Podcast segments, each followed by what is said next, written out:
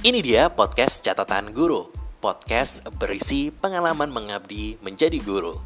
Nama saya Avan, saya seorang guru.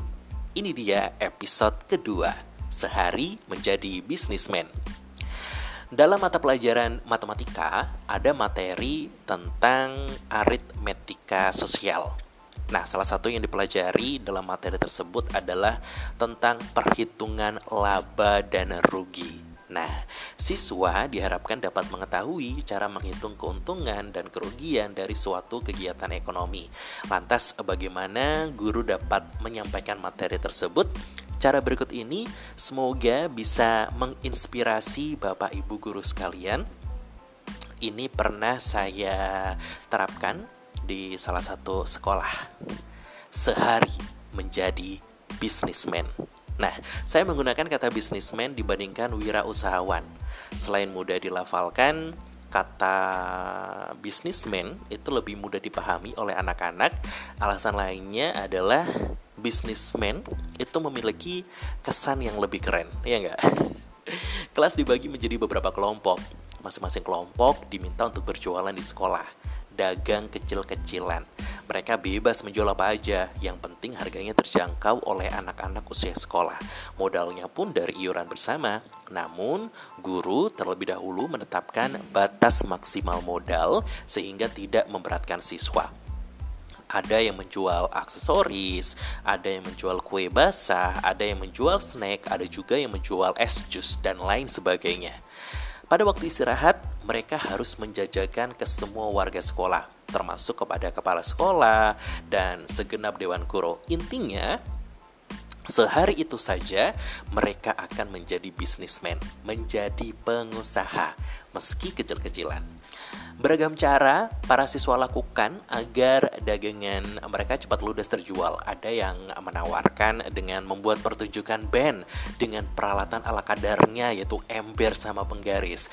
Mereka menyanyi gembira meskipun fals ya, tapi itu mereka lakukan untuk menarik perhatian warga sekolah. Nah, saat warga sekolah berkumpul itulah mereka langsung menjajakan dagangannya. Itu menurut saya teknik marketing yang cerdik tuh, luar biasa ide mereka. Ada juga kelompok yang anggotanya berpencar. Masing-masing anggota harus menjajakan ke seluruh warga sekolah.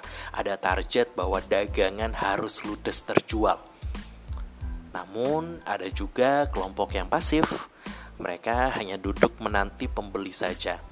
Rasa malu dan susah berinteraksi menjadi penyebab mereka enggan untuk berkeliling. Di situlah guru harus memiliki andil untuk memotivasi mereka agar lebih aktif Semakin giat mereka menjajakan dagangan mereka, semakin besar kemungkinan keuntungan yang akan mereka dapatkan.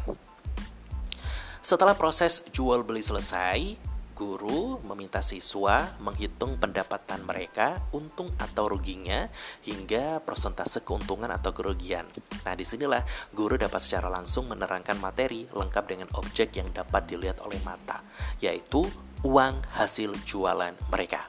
Ini menarik karena terkadang ada materi matematika yang mengharuskan siswa menghitung uang, tapi uangnya abstrak, tidak ada. Mereka hanya bisa membayangkan ada yang bergembira karena mereka untung besar. Setelah modal dibagikan ke masing-masing anggota hasil keuntungan itu mereka gunakan untuk makan-makan. Ada juga yang bersedih karena tidak semua dagangannya laku terjual sehingga alami kerugian. Nah di situlah peran guru diperlukan untuk memberikan motivasi kepada mereka. Kelak apabila mereka menjadi pengusaha resiko kerugian pun bisa mereka alami. Tapi mereka harus memiliki semangat untuk bangkit berusaha kembali. Ada banyak manfaat dari kegiatan pembelajaran ini. Pertama, mereka belajar matematika secara real. Aktivitas di luar kelas tentu membuat mereka tidak bosan. Kedua, menanamkan jiwa wira usaha yang harus dipupuk sejak dini. Dan ketiga, menanamkan kerjasama. Bagaimana? ingin mencoba menerapkan konsep ini di materi aritmatika sosial pada pelajaran matematika? Semoga podcast ini dapat bermanfaat untuk Anda semuanya. Nantikan episode-episode selanjutnya. Saya Avan, pamit. Wassalamualaikum warahmatullahi wabarakatuh.